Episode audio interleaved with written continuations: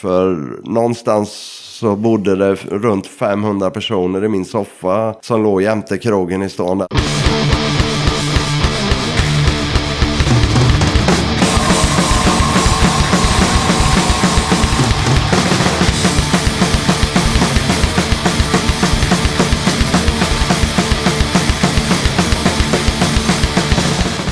Tjena! Du har precis börjat lyssna på avsnitt 45 av Döda katten Podcast. Varmt välkommen! Vi börjar med ett eh, gigtips för alla oss som gillar finsk råpunk. I Göteborg den 8 november så kommer det bli finsk punkafton med pompa och ståt och inga mindre än följande lirar. Appendix, ett av Finlands mest legendariska punkband, gör sin enda Sverigespelning i Göteborg. Live levererar de fortfarande superbra. Gillar du finsk råpunk så är det spöstraff på att inte dyka upp på det här. Appendix bildades 1981 i Pori och eh, fram till uppbrottet 84 med att släppa två album och en EP.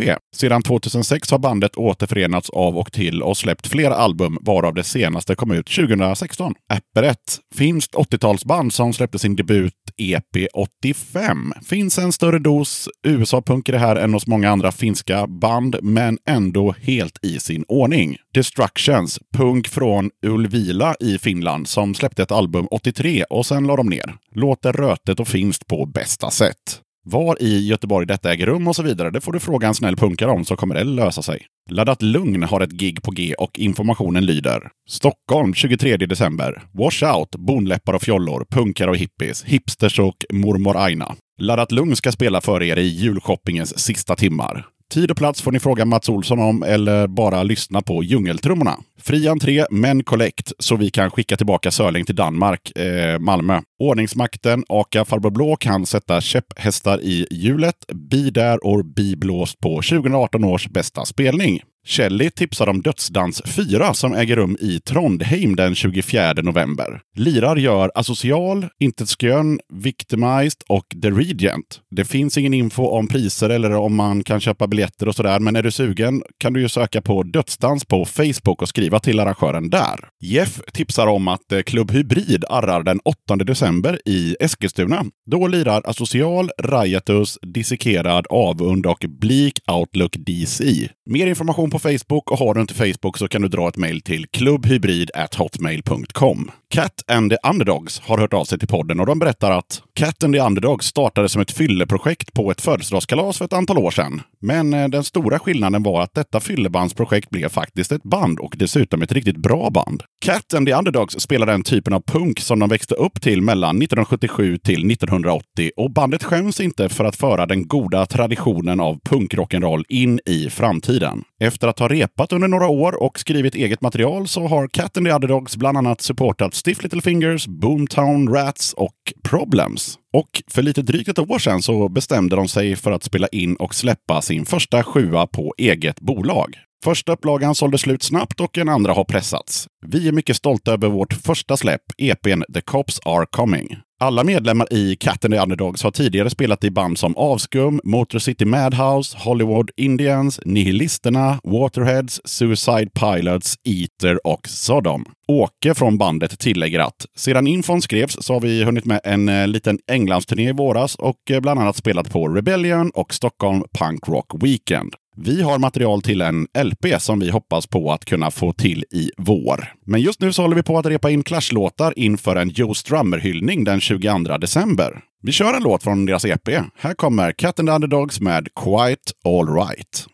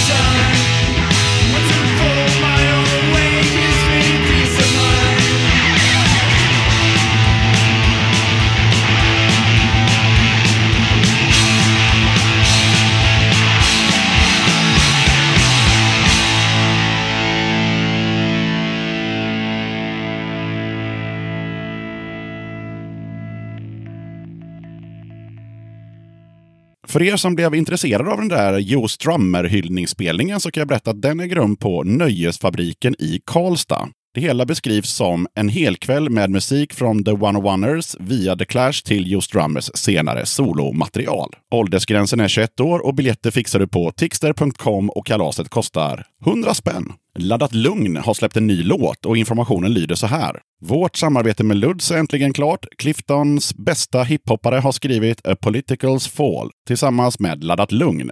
Sörling och Misse var inte närvarande. Soundclip hiphop är det nya svarta, punk som fan. Den här låten hittar du om du söker på Laddat Lugn på Soundcloud. Pelle från Second Class Kids har skickat en platta till podden. Det är en samling med artister som släppts på bolaget.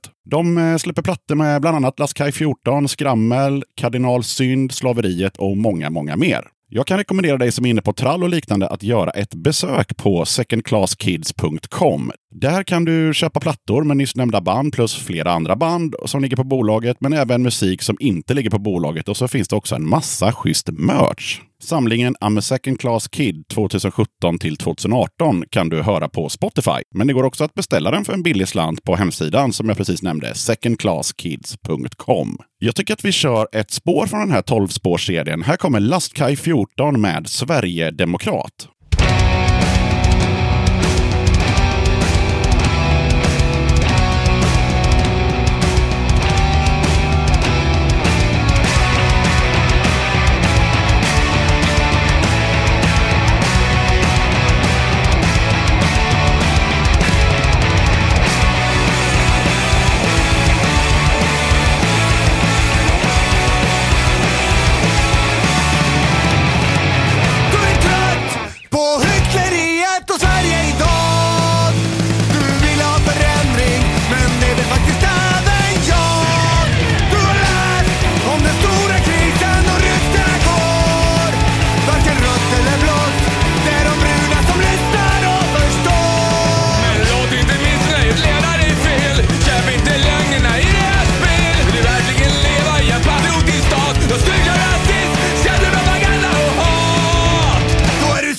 Du Sverigedemokrat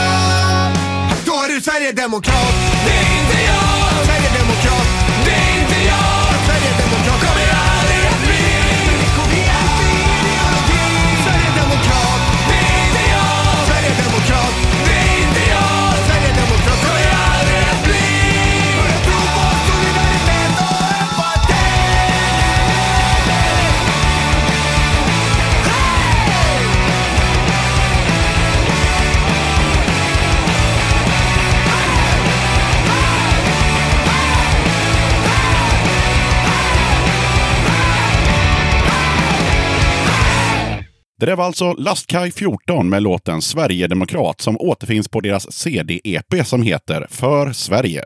Den 27 oktober släppte Beluga Records en vinyl-EP med The Hijackers. Det svenska garagebandet släppte singeln When I Get Home på 80-talet och nu 32 år senare så släpper alltså Beluga ytterligare en sjua med material som spelades in under åren 85 till 87. Den här plastbiten innehåller fyra spår och vi tar och lyssnar på titelspåret. Let us give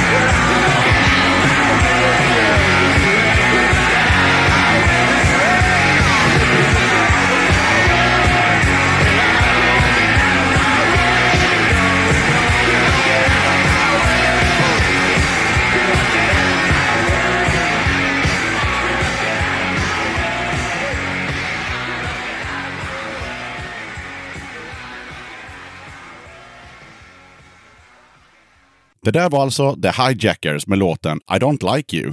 Bandet Electric Hydra har hört av sig till Döda katten och berättar att vi är en kvartett från Uddevalla slash västkusten som spelar punkig och energisk stoner. Vi har hållit på ungefär ett år nu och singeln World Domination kom ut i maj. Alldeles strax går vi in i studion igen för att förhoppningsvis kunna släppa nytt nu i höst, så håll gärna utkik efter det.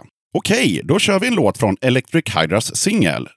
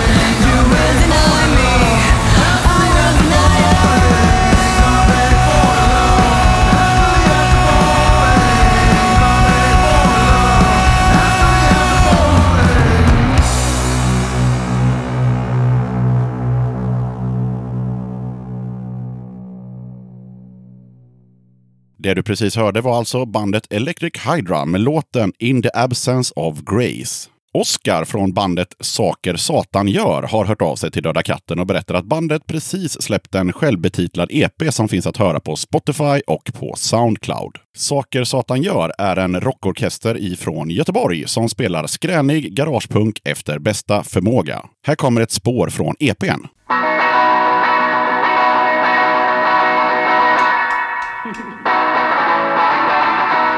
Vi går och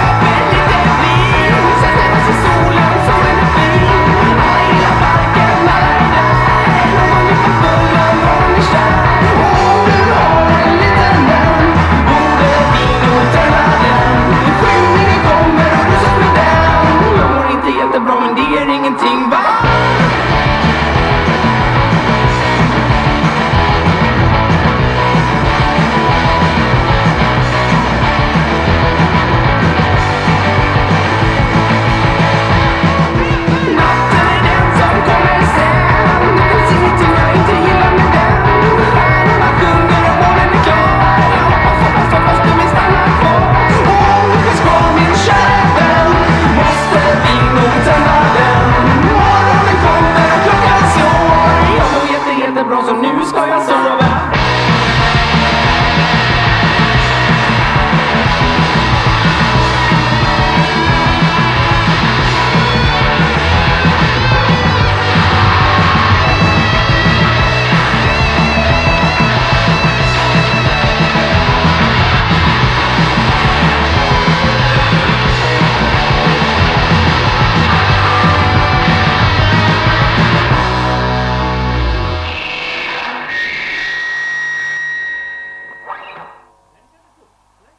där var alltså Saker Satan gör med låten Köpa vin. Thomas från bandet Slaktkniv meddelar att de har släppt en ny digital EP som heter Powerpunk. Den landade på Spotify den 19 oktober. Thomas skriver att här kommer då Slaktknivs senaste release. Tre låtar i lagom längd. Det är tänkt att vi ska spela in tre låtar i taget och släppa på Spotify och sen så kanske vi samlar ihop hela rasket till ett album med 9-10 låtar. Vi tycker nog själva att det här är det bästa vi har gjort hittills, eller vår gitarrist Mats, det är han som skriver låtarna, och speciellt så är ljudet riktigt bra. Det har vi våran mixkille Josef Lagbo att tacka för. Ytterligare tre nya ska spelas in och släppas innan jul är det tänkt. Mats från Slaktkniv tillägger att eh, jag skrev runt tio låtar i somras när jag hade semester och de andra i bandet var upptagna på sina egna håll. Låtarna är lite av en motpol till vår förra inspelning, Det sjunde inseglet, som var mer kängigt och disharmoniskt. De nya låtarna är mer melodiösa och eh, det som är nytt är att sången utvecklas lite till att bli mer melodisk också, fast då med slaktknivsmått mätt då.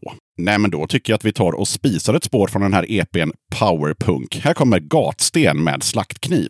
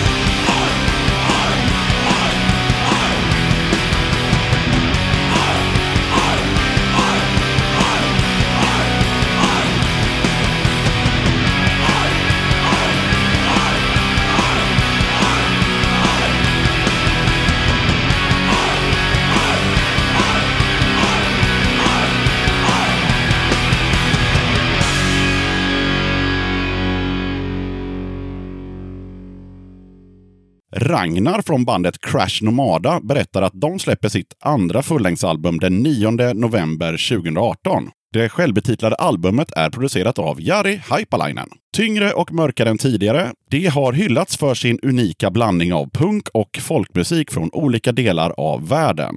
Efter många års spelande i Sverige och Europa så är de ett av de mer etablerade banden i sin genre och har ett grundmurat rykte som en dansant och explosiv liveakt. På detta självbetitlade album kastas vi fram och tillbaka i historien och får möta vinddrivna existenser i nutid och dåtid. Låtarna slår ner hårt i samtiden. Singeln Under en mörk europeisk himmel blickar ut över en splittrad kontinent men knyter även an till vårt gemensamma arv och ansvar i världen. I låten Quattro Caminos sjunger Ragnar Bey om sina många år som gatumusiker i Europa och de människor han har levt och spelat med. Ljuset som du sökte handlar om konstnären och mystikern Ivan Aquelius dramatiska liv. Låten Ingenting är sant tar avstamp i den febriga stämningen på den legendariska dadaisthaket Cabaret Voltaire i början av det förra århundradet. Stenålderssjäl ifrågasätter varför vi i huvud taget lämnade savannen. Ja, det kan man fan undra. Singeln Under en mörk europeisk himmel, den finns ute på Spotify nu. Eh, medan den här plattan då, den släpps som sagt var den 9 november. Ragnar har valt ut en låt som nu får förhandspremiär i Döda katten podcast. Här kommer Crash Nomada med Det här är ditt liv.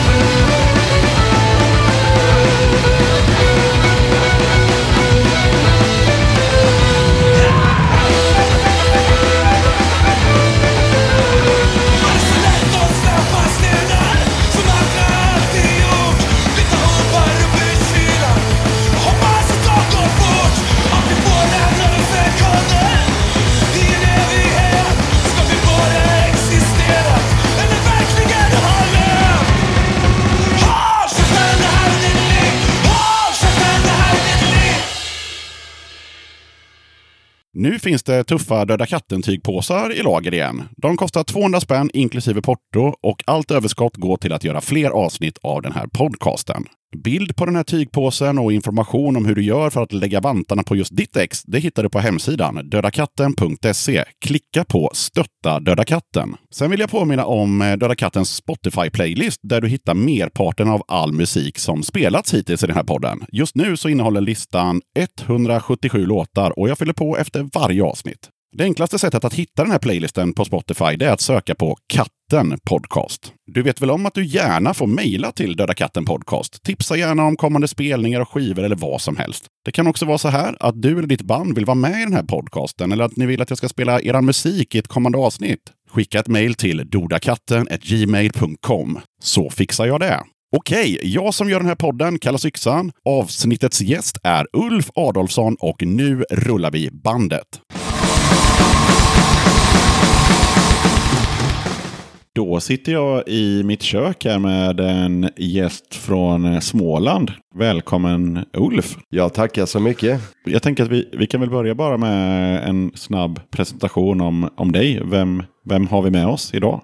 Ja, ni har med oss en smålänning från Tranås. Det hörs väl på dialekten. Man brukar tycka att den låter lite bonnig, men det får ni väl leva med. Ja, det är kul att vara här i Yxans kök, för trots att han bara bodde hos oss, kanske vad var det, ett och ett halvt eller två år, så räknar jag honom fortfarande lite som en Tranåsbo. Ja, jag tror det var två år faktiskt. Ja. ja. Ja, men det är, det är lite kul för någonstans så klickade väl att eh, bägge var intresserade av musik så vi hamnade i samma umgängeskretsar direkt. Och så länge han bodde kvar i Tranås så umgicks vi mycket och eh, ja, det, var, det är konstigt men jag räknar honom fortfarande lite som Tranåsbo fast han är väl en göteborgare nu för tiden. Ja, det får man nä- nästan säga. Men vad kul. Eh, då, eh, vi kommer komma in lite mer på vad Ulf har gjort och, och gör. Men jag tänkte att vi kan väl börja lite med lite bakgrund. Har du alltid bott i Tranås? Har du ja, bott någon annanstans och, och sådär?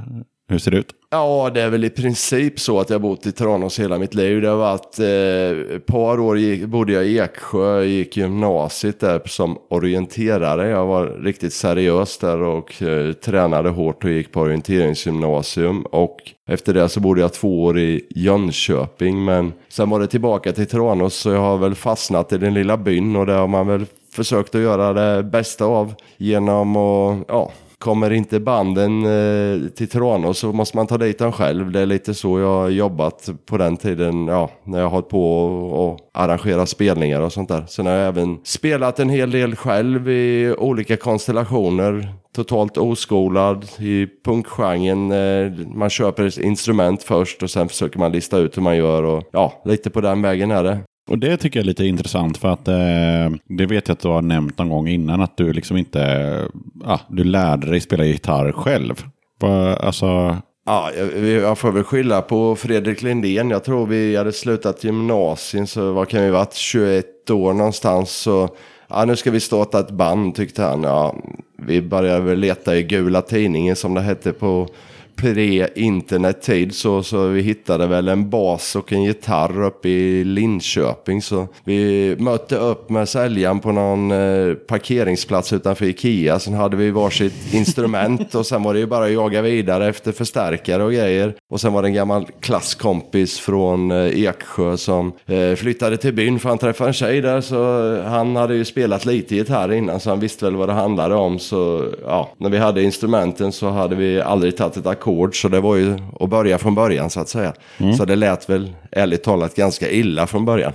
men var det bara du och Fredrik då eller hade ni fler medlemmar i ja, det här, orkestern? Det här första bandet vi bildade eh, kallades för Turkish Revenge och eh, vi körde väl ja, några repningar med två gitarrister och eh, en basist men vi behövde trummis så det fanns väl ingen sådär som vi kände till så det var att min tvillingbror som fick lära sig spela trummor så ja, ärligt talat så lät det väl ganska illa första året men ja, vi började med att köra lite Ramones covers och sånt där. Så ja, man lärde sig att ta lite Barré-ackord och eh, ja, det är ju tacksamt att lira punk för eh, ja, kan man inte så gör man det ändå på något sätt. Och eh, ja, Jag måste flika in där, att jag kommer ihåg att när jag gick på gymnasiet i Tranås så såg jag en affisch en gång eh, om att det var en spelning med just eh, Turkish Revenge. Och eh, jag kom ju liksom från landsbygden så jag tänkte så här, Turkish Revenge, det låter som att det är typ ett gäng turkar som är svinförbannade.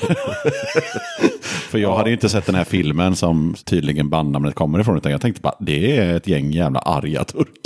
ja, ja det, det var väl Fredde Lindén som kom på namnet. Det är från filmen Midnight Express heter den. Ja, just det. Eh, ja, någon amerikan som ska smuggla knark och det, han fastnar givetvis i tullen och eh, en turkisk hämnd var att man stack upp en kniv i röven. Ja, det tyckte Fredde var fränt och det, vi köpte väl namnet så För det- man det var- måste ändå ha ett namn. Ja, för det var någonting man gjorde liksom på, på fängelset, liksom, mellan inmates, som jag förstår det hela rätt. Ja, jag Ja. tror det var det det handlade om. Så här, man, man är ute på yarden och så får man en kniv i röven. Typ. Ja. Okej, men eh, det var Turkish Revenge. Där började själva musikgrejen helt enkelt. Du lärde dig spela gitarr hjälpligt och ni drog igång det här bandet. Helt enkelt. Ja, och lite som hänger ihop med det där eh, starta ett band, du måste ha någonstans att spela också. Och eh, det fanns ju det lokala ungdomshuset man kunde få spela på men eh, någonstans så tyckte man inte riktigt det räckte för man ville väl ändå få dit lite liknande band och sådär. Så då kom jag in lite på det här arrangera-biten då. Som gammal orienterare så var det ju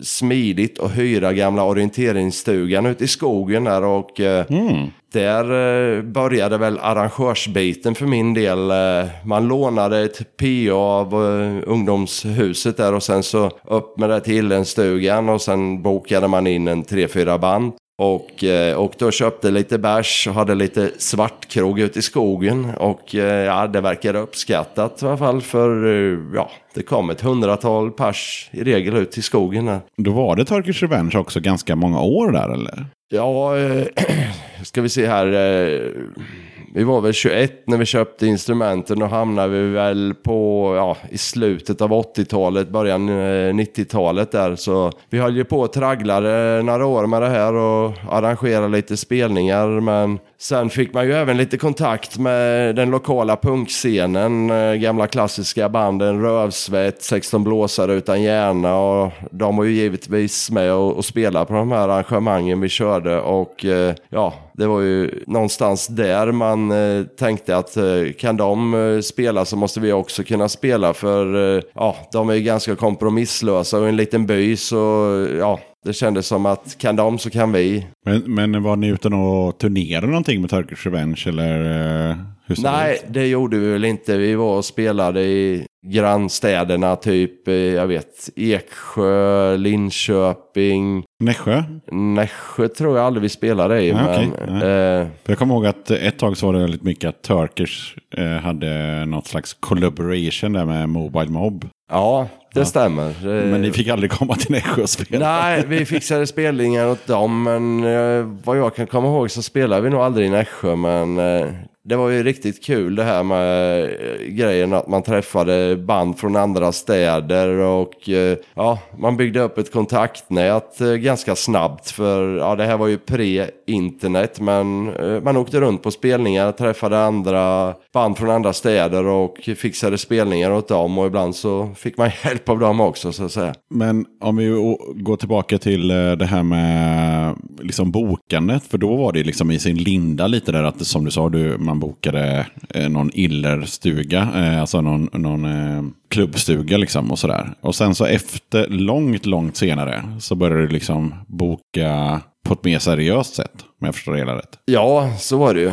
Eh, ja, de här illenfesterna var ganska jobbiga för dagen efter brukade det vara en tipspromenad och eh, festen tog ju sällan slut i rimlig tid. så de Ah, här Så eh, tvungen att städa arrangörerna för det. det Ah kom ju nästan innan man hunnit städat färdigt och det låg lite punkare och sov lite här och var så vi fick ju lägga ner det där. Så det, en liten passus här, en liten mellangrej det var att eh, popgänget i stan startade en svartkrog som hette Green Parrot som låg mitt inne i stan. Och eh, det där kunde man ju inte låta bli att pilla i för de var ju så pass unga så de kunde inte ens åka till bolaget och handla sprit. Och så vi la ju oss i det där givetvis och körde även själva där och det var min bil som åkte till bolaget och eh, polisen hette att de hade spaning på svartklubben och det där trodde man väl inte så jävla mycket på men efter några månader när vi hade kört så kom det en razzia. De fick väl lite hybris i Tranås för eh, de hade sprängt några svartklubbar i Stockholm och då eh, hade de samlat ihop fyra piketer så vi hade väl inte ens en spelning den kvällen. De bröt sig in med fyra piketer och vi satt väl ett 20-tal personer där inne. Ja, det var ganska spännande för dem antar jag. För oss, vi satt mest och garvade där inne. Det är ungefär det som vi upplever i, i Göteborg idag, kan jag säga. Fast, ja, Eh, just att det är att man ska, man ska ta bort kulturen från, från folket och ja, de här så kallade svartklubbarna måste man ju stänga för det är livsfarligt tydligen. Eh, fast de, de utgör liksom inget hot till någon, men ändå måste man dit och pilla liksom, tyvärr. Mm, det är väl det där med att kulturen ska vara fri kan vara lite svårt verkar det som. Och så. eh, i vårat fall så öppnade väl vi våran eh, klubb eh, ja, när resten av ställena i staden hade stängt. Så det var ju mer nattspelningar. Men det är lite sorgligt det här i Göteborg med eh, ute på Hisingen där ligger det va? Vad heter klubben? Truckstop Alaska. Ja, precis. Det är sorgligt när de är inne och pillar i någonting som har fungerat så jävla bra. Så mycket band som de har tagit hit. Och eh, även Och inte stört en käft heller. Nej, och sen använder de gärna det i marknadsföringen att de eh, har ett sånt fantastiskt kulturliv men ge fan i att pilla i de som fixar de här grejerna i så fall. Men eh, jag tänker vi fortsätter lite med Ulf där. Då, eh, om vi, för Turkish Revenge höll väl inte på i all evighet utan det lades ner. Ja, det var väl inte så många år vi höll på. Utan ja, det blev ju att man hoppade på andra konstellationer.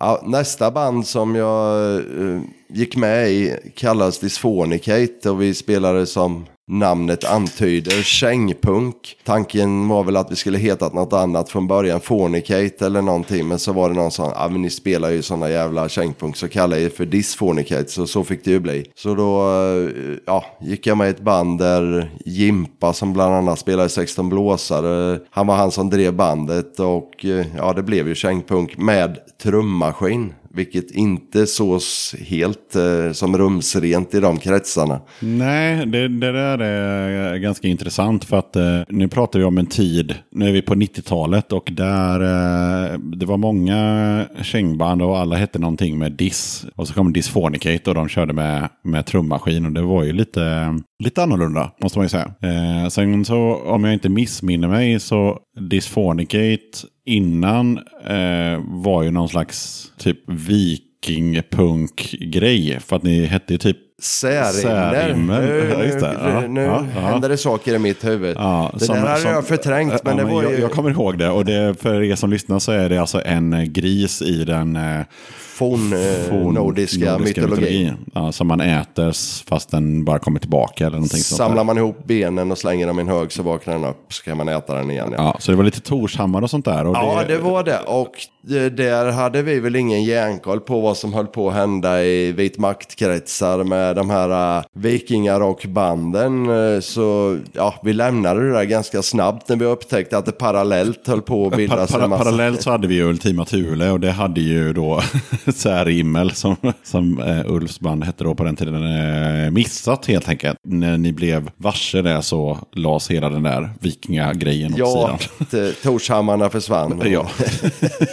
Eh, Det är lite snabbare med information idag när internet finns. Men eh, bor man i en liten byhåla som Tranås så har man ingen järnkoll på vad som hände på Det den också, tiden. men det är samtidigt är det ju lite intressant just att innan man kunde googla vad som helst så gjorde man saker och ting och ja, det tog lite längre tid innan man fick reda på att det här kanske inte, det kanske inte flyger just nu. Det kanske, det kanske blir tokigt. Ja, det, Eh. det, det är nya tider nu. Nu kan man googla, om man har bildat ett band kan man googla så inget annat band heter så. Ja, men precis. precis. Ja. Men till slut så blev det Dysphonicate och ni körde på med trummaskin. Ja, det gjorde vi. Vi valde att köra med trummaskin. Eh, Ja, vi hade väl inget trummis heller i och för sig, men vi körde på så några år och eh, sen hände det saker och eh, bandet lades ner och eh, ja, vi startade om igen och då tog vi med Frank Bergsten, Rövsvets gamla trummis och då döpte vi om oss till Striker och under det bandnamnet så körde vi, ja,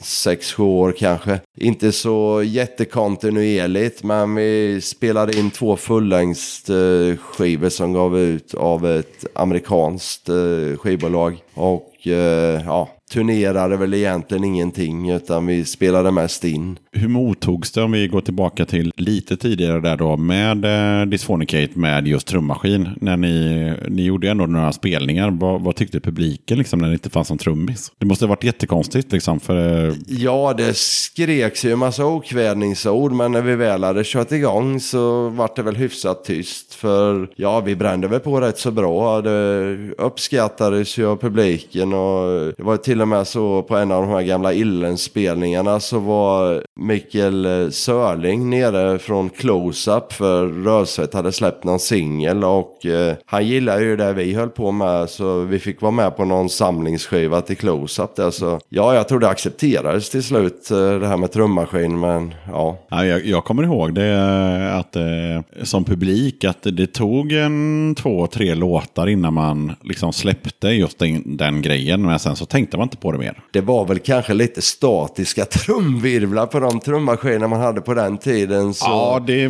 det kan det ju ha varit. Men det är eh, skitsamma. Det pumpades ändå D-takt. Men skitsamma. Och sen så gick ni till, eh, sen blev det Striker och då, där var det riktiga trummor. Ja, då körde vi med, först var det ju Franka i Rövsvett och sen eh, trummis nummer två var även det en Rövsvett-produkt. Det var eh, basisten Löken som kom in och trummade de sista åren vi körde. Ja, okej. Och sen så, vad hände efter det? Mus- musikaliskt, bandmässigt? Ja, e- efter att Striker eh, någonstans dog ut på grund av att eh, ja, vi repade mer och mer sällan. Eh, vi gjorde ingenting av inspelningen, var alla ute och spelade så det självdog mer eller mindre. Men efter det så fick jag kontakt med några yngre killar som har startat ett band som heter The Bomb Dolls och eh, deras sångare fick lite problem med hörseln så han ville eh, inte hålla på längre så då var jag tillfrågad så då hoppade jag på den grejen där så där hängde jag väl fast en tio år eller någonting. Och Bomb Dolls var däremot ute och spelade.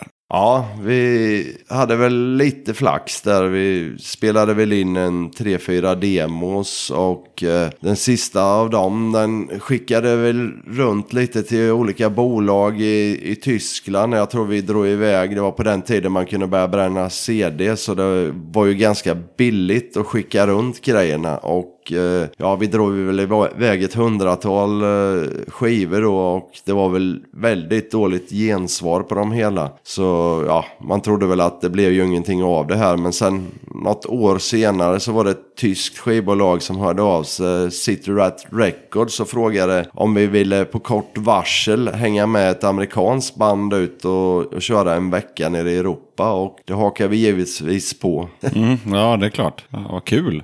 Hur gick den turnén undrar man ju såklart. Ja, det var ju att snabbrepa ihop sig och be arbetsgivare om att få ledigt. Och eh, ja, vi, vi åkte ner där och ner till ja, mitten av Tyskland någonstans. Dylmen hette staden där de hänger eller bor, själva bildarna av det här City Rat då. Och eh, ja, vi var med ett band som heter eh, Hudson Falcons på, eh, jag tror det var nio spelningar på nio dagar. Och eh, ja, det var en upplevelse var det ju. Självklart. Från att ha hankat runt på små ungdomsgårdar i, i, i Sverige och sen åka runt och spela på schyssta ställen nere i Europa. Det var en häftig Ja, det måste upplevelse. varit, det måste varit kul. Ja. ja. Då tänker jag så här, vart är vi i år där? Vilket årtal är vi på? 2006 var väl den första vevan vi var ute där då. Och eh, ja, vi gjorde väl inte bort oss to- totalt i alla fall. För eh, vi fick spela in en fullängds-CD på City Rat Records då. Så året efter och ja, två följande år där på så var vi ute på nya Europaturnéer. Den längsta låg väl på, ja det var väl 21 spelningar på 22 dagar. Åh, jävlar. det var Okej. mycket tid i bil men riktigt häftigt. Ja. Eh, Ja, vi var väl i Tyskland, eh, Frankrike, Belgien, Holland och England på den turnén. Då skulle jag vilja ha tre stycken låtar från, eh, ja egentligen från de här banden egentligen. Så att vi klipper in dem i podden. Vad blir det för låtar? Nej men eh, jo, det var ett önskemål att det skulle vara lite från min lilla karriär här då. Så då börjar vi med en låt med Dysphonicate. Lite trummaskinskäng då. En låt som heter Captain Trips. Bye.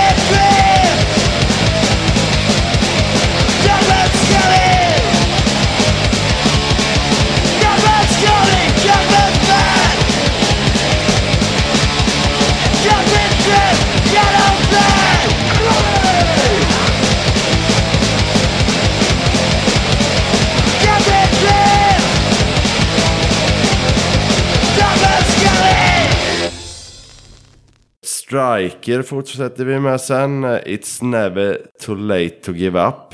Den kommer från den andra fullängden. Och eh, jag tror det var så här att Jimpa tänkte på dig Yxan när han skrev den texten. Sen får du tolka det hur du vill. Jag har sett bilden så att jag... Jo, det, det, det finns en liten bild, bildhäfte till den här skivan. Och det är, jag tror vi var uppe i Norrköping på, eh, vilket band var det? KSUK eller något sånt där. Ja, och du varit lite full och ligger och sover där. Och eh, det tyckte Jimpa var, var läge att skriva en låt om. Då. It's never too late to give up.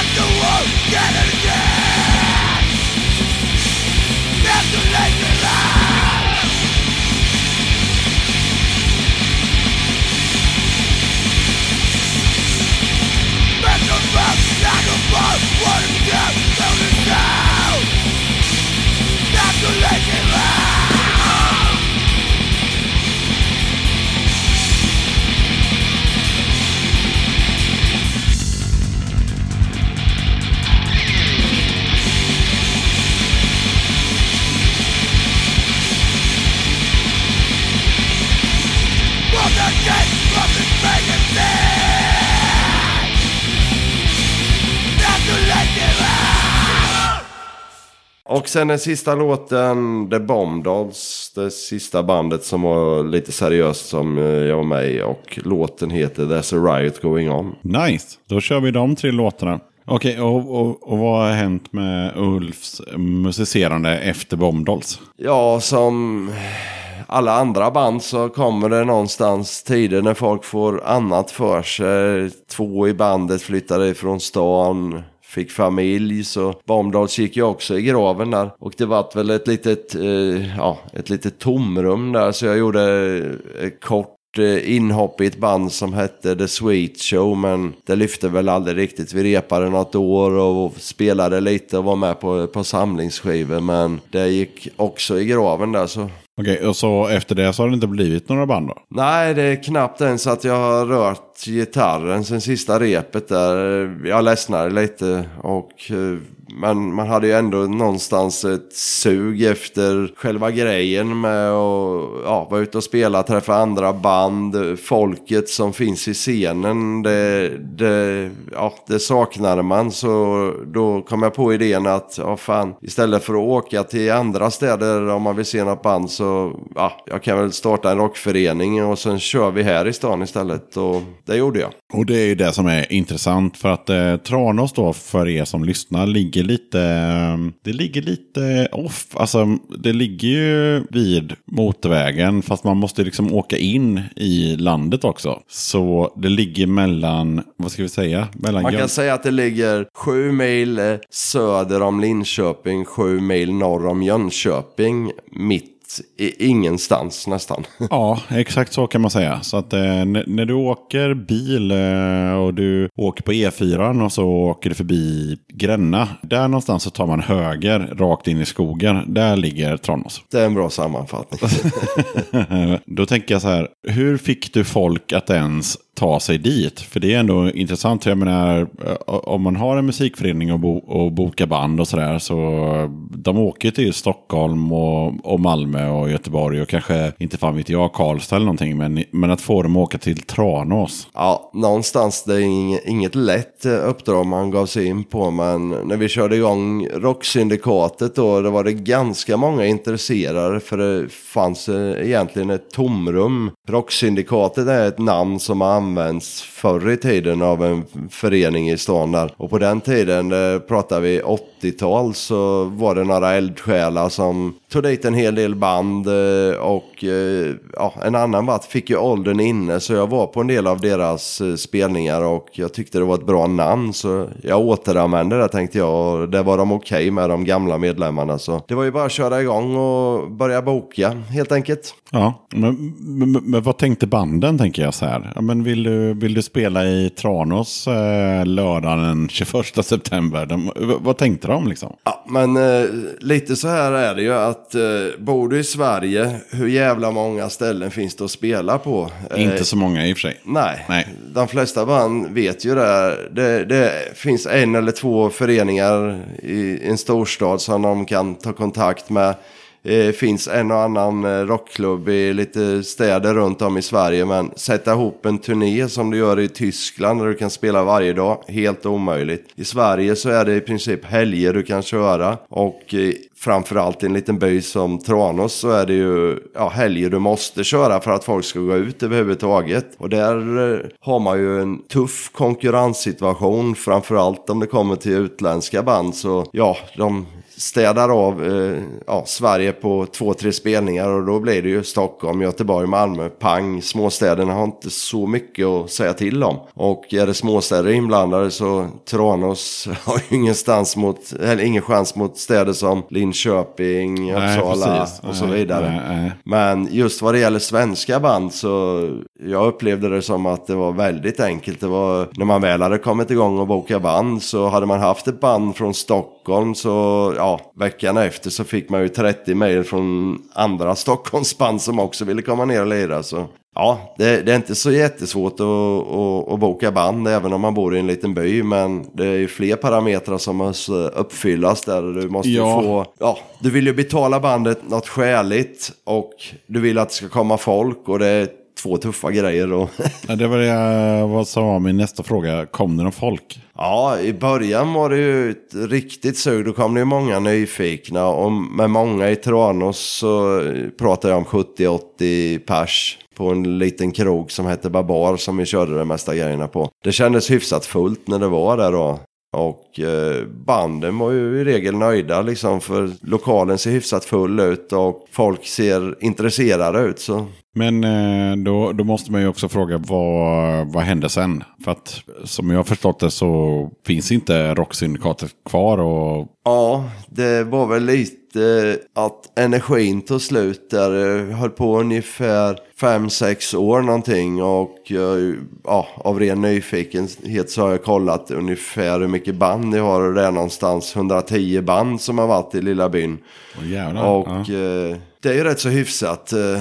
Det, det är lite spännande nu när, när jag är nere i Göteborg här och går på spelning här så kommer det fram folk och, och säger hej. Och jag måste tänka, jag känner igen ansiktet men vem fan är det här nu igen? För någonstans så bodde det runt 500 personer i min soffa som låg jämte krogen i stan där och alla ansikten kommer jag inte riktigt ihåg. Nej, det man- förstår man ju. men jag har fattat att det var jävligt uppskattat den eh, grejen vi höll på med. För ja, banden var nöjda trots att de fick liksom ligga i soffa och madrasser på golvet. Och ja, de fick äta hemlagat käk men de fick alltid en schysst efterfest. Och eh, det verkar uppskattat för eh, det, var man än åker på spelningar i Sverige så kommer det fram folk och känner igen en. Och det känns Jo, men häftigt. alltså det, det du gjorde, och du var ju inte ensam, men det, det ni gjorde var ju liksom ändå en, en eh, kulturgärning. Det kan man inte säga någonting annat. Alltså, Ja, det är ju... Nej, det, det, det köper jag rakt av. Däremot så var det inte lika lättköpt för kommunen till exempel. För eh, man sitter lite i en rävsax. Jag gick ju med i MOX som var musikföreningarnas samorganisation. Eh, som är en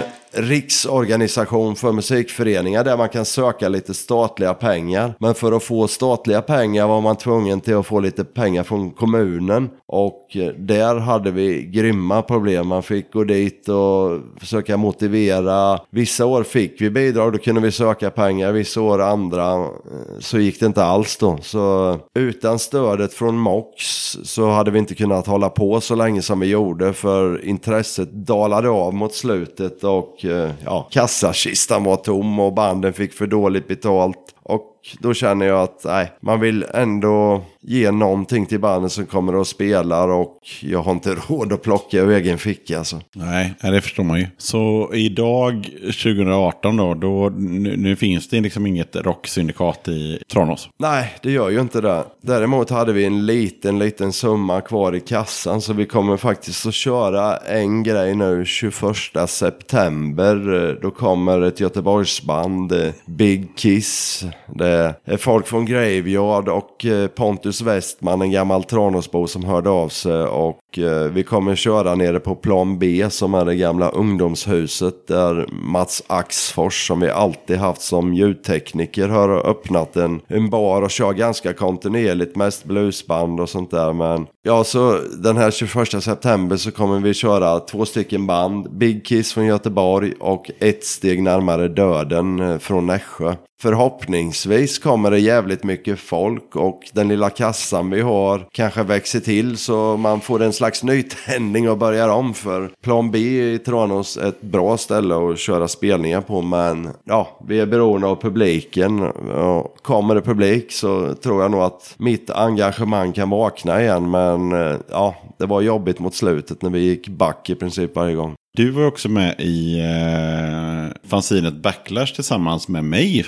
för typ 20 år sedan. Hur, hur, hur var det och, och vara någon slags eh, hobbyjournalist? Ja, jag vet inte, det var ju du, jag och Fredde Lindén som var med från början har jag för mig va? Det var vi tre. Ja. Sen så blev det en massa andra människor och det gavs ut massa tidningar. Men från början var det du och jag och eh, Fredrik. Ja. Men det var väl egentligen det här man åkte runt på spelningar och det gick runt eh, några trashpunkare och sålde singlar och fanzin och eh, de här fanzinen köpte man ju, de kostade ju bara i regel en femma eller en tia och sen läste man intervjuer med band som man tyckte om och sen, ja vi tyckte väl att vad fan kan andra göra, sån här kan väl vi också göra, jag vet inte vem som var Nej, jag har ingen aning. Hittade på och Det inte startade ihåg. hela, men- Nej, absolut inte. Men det var ju riktigt häftigt eh, tyckte jag. Liksom man drog iväg en intervju eh, via brev eftersom det här fortfarande är före internet. Och eh, det tog kanske två, tre veckor eller två månader. Eller, Ja, det- eller, så, eller så fick man inget svar alls. Nej, nej, nej, nej, så var det. Det var lite annat sätt att jobba och det var klippa klistra. Man satt med en massa tidningar och klippte ut krigsbilder och sen eh, satt man och dunkade in lite textrader på en gammal skrivmaskin eller en sunkig dator och klippte och klistrade. Ja, det var Ja. häftigt och eh, lite som att arrangera spelningar. Man fick upp ett kontaktnät och det är väl egentligen så det fungerade sen punken var barn. Det var så man skapade kontaktnät via fanzin, eh, små distro-bolag som sålde skivor och sånt där. Så det är väl anledningen till att du sitter och gör sånt här idag lite kan jag tänka mig. Ja, men, Om vi ska vända så- frågorna ja. till dig.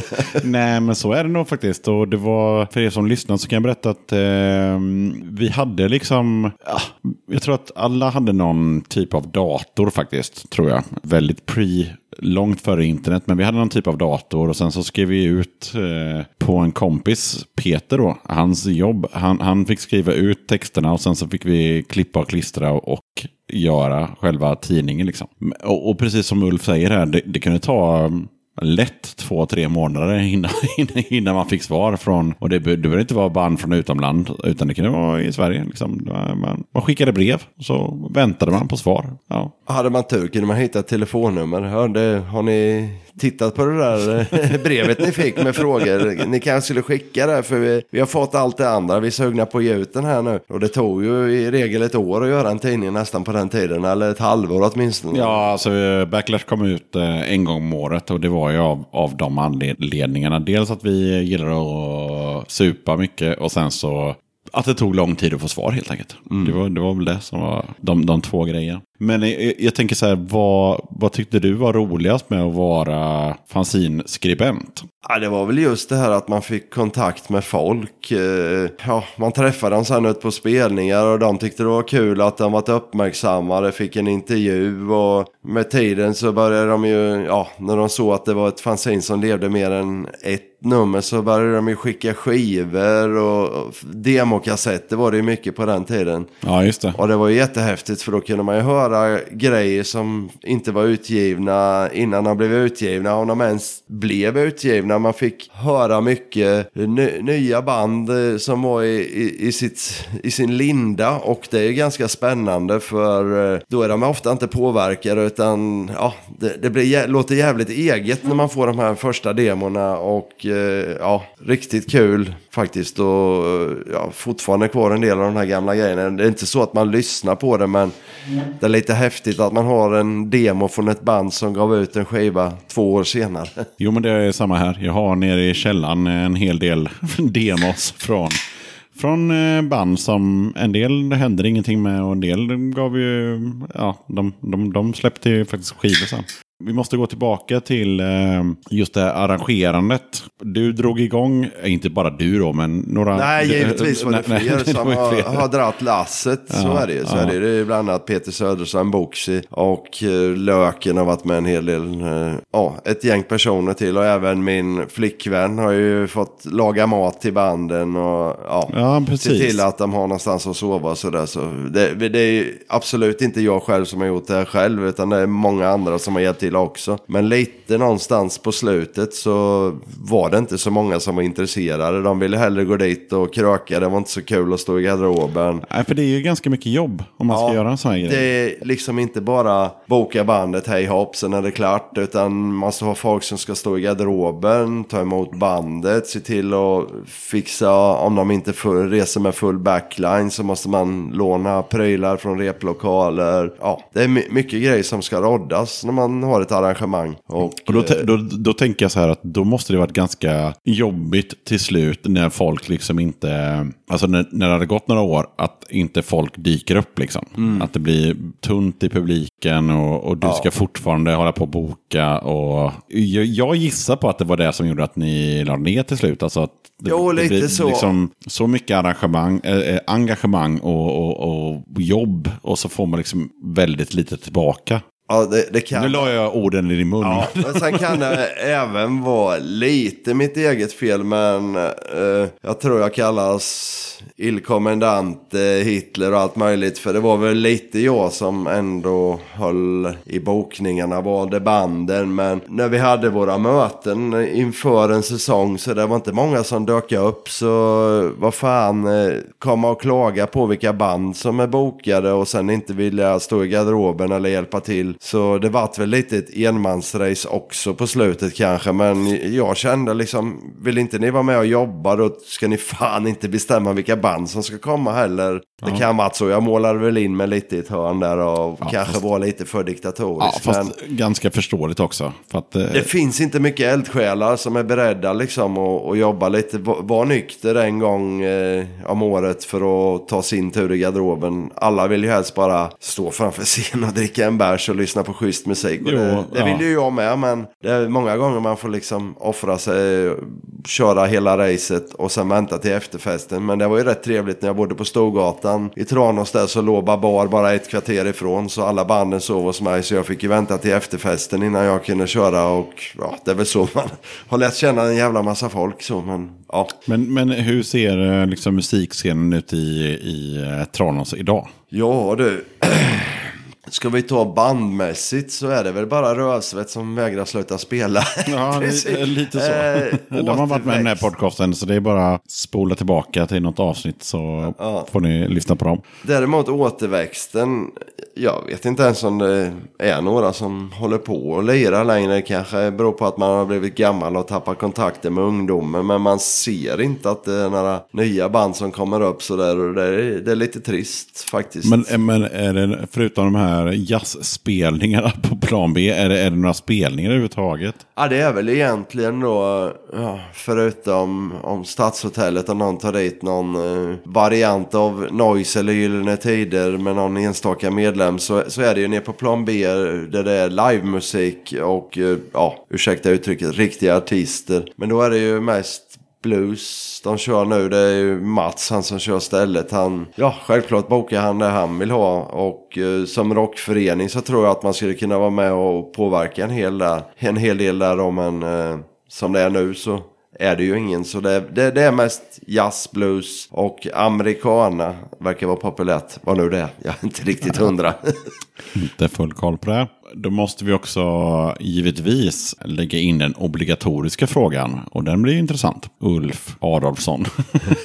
In, inga kopplingar till politiken. Nej, han heter dessutom Adelsson och jag är så jävla trött på det där. Och... Ja, men vi måste ju ändå reda ut det, så nu har vi gjort det. Vad betyder punk för dig? Punk för mig det är att även en amatör som jag, eh, som var 21 år, kunde åka till en jävla Ikea parkeringsplats, köpa en gitarr ihop med en polare, ställa sig i morsan och farsans eh, kök och, och, och försöka börja spela och eh, ja, till slut så efter 15 år i, i olika konstellationer fick man ändå ut och göra en liten Europaturné. Eller samma sak som att fan, kommer inte banden du vill se till byn, då får du väl fan ta tag i, i det själv och se till så de kommer. Så ja, punkt för mig är det här DIY, gör det själv annars kommer det fan aldrig hända. Kan jag också berätta för lyssnarna att eh, för 10-15 år sedan så eh, skulle mitt dåvarande band Slaktattack åka till eh, Polen och Tyskland. Då ringde vi till Ulf. Det var ju faktiskt ett eh, intressant Och det är ju faktiskt ett bra exempel på just punkgrejen. Bara så här, nej men vi behöver en gitarrist. Och vi ska, vi ska göra typ, eh, jag kommer inte ihåg, tre, fyra spelningar i, i Polen. Vill du hänga med? Ulf åkte ner till Göteborg och eh, repade in sig. Och eh, sen så åkte vi på en liten sväng. Fantastiskt kul. Jag hade så jävla roligt för då var det länge sedan jag var iväg och spelade. Det var ja, gåshud. Ja men det var jättekul. Vi, vi, vi drack bärs i Prag och vi, ja, vi gjorde massa roliga saker. Och det där är ju liksom punken. På något sätt. Nu, nu skulle du svara på vad punk är för dig, men för mig är det också just den grejen att man bara, nej men jag vet en kille som typ kan spela gitarr. Ja, jo, det någon virtuos på gitarr kommer jag aldrig bli, men kompa till punk, det går väl om man repar några gånger och, och en gitarr till brukar ju vara att det låter lite mer, Ja. lite jävligare och det är väl lite det man vill ha. Och helt plötsligt så stod det liksom i en hangar i Tjeckien och spelade gitarr. Ja, det var mäktigt. Ja, så det, det, var, det, det är så det funkar med punk och det är kul att alltså, ja, folk tar hand om varandra helt enkelt. Det är väl det som är grejen. Det är bra sammanfattning för eh, går det bra för ett, ett band så brukar de i regel inte glömma sina polare utan man eh, ja, tipsar om det finns fler band från den här stan som vill komma och lira hos er eller eh, ja, det känns som punkscenen, där, hjälper man varandra och, och ja, försöker på det sättet att få, få scenen till att leva. Avslutningsvis, finns det någonting som du vill eh, tipsa om till de som lyssnar? Fortsätt att lyssna på den här podden. Gå på spelningar. Var nyfiken. Eh, ja, det finns så jävla mycket bra band där ute. Så gå på spelningar. Stöd arrangörer. Stöd banden. Handla skivor. Köp merch. Bara stöd scenen. Så det, det är vad jag vill säga bara. Men det är ju skitbra, för man måste stödja scenen. För det är, eh, det har gått typ 30-40 år sedan punken kom till och vi har fortfarande en scen. Det är fortfarande grymt. Tack så jättemycket för att du ville vara med i Döda katten podcast. Ja, jag känner det som en ära. Det är grymt att du håller på. Den utgivningstakten du har och kvaliteten på ja, programmen är kanon. Så lyssna på Döda katten. Jävligt bra. Tack så mycket. Back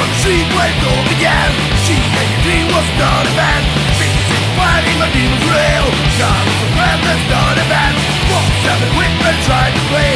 Something was wrong but the song we made People told us it's not okay. Nothing that you're bad with the and day And here we are like 50 years later with a one on face But it's still the same, so come on. Let's riot going on. We can have this on our own. We need, we need, we need you. Let's riot going on. We can have this on our own. We need, we need, we need you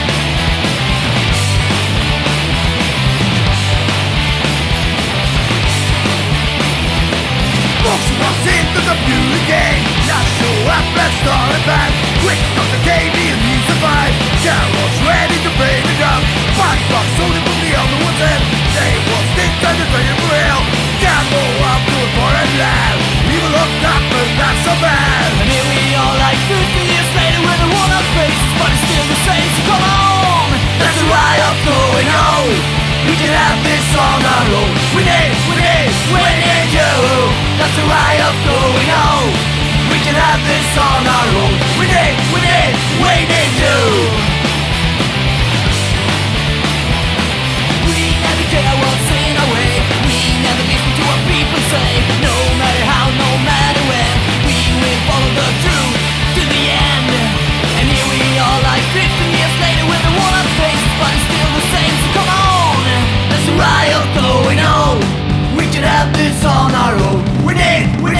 we need you There's a riot going on.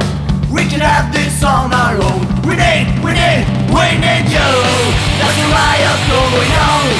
We can have this on our own. We need, we need, we need you There's a riot going on.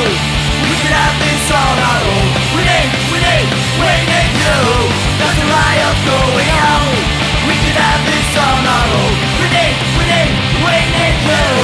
Going on We have this on our own We need, we need, we need you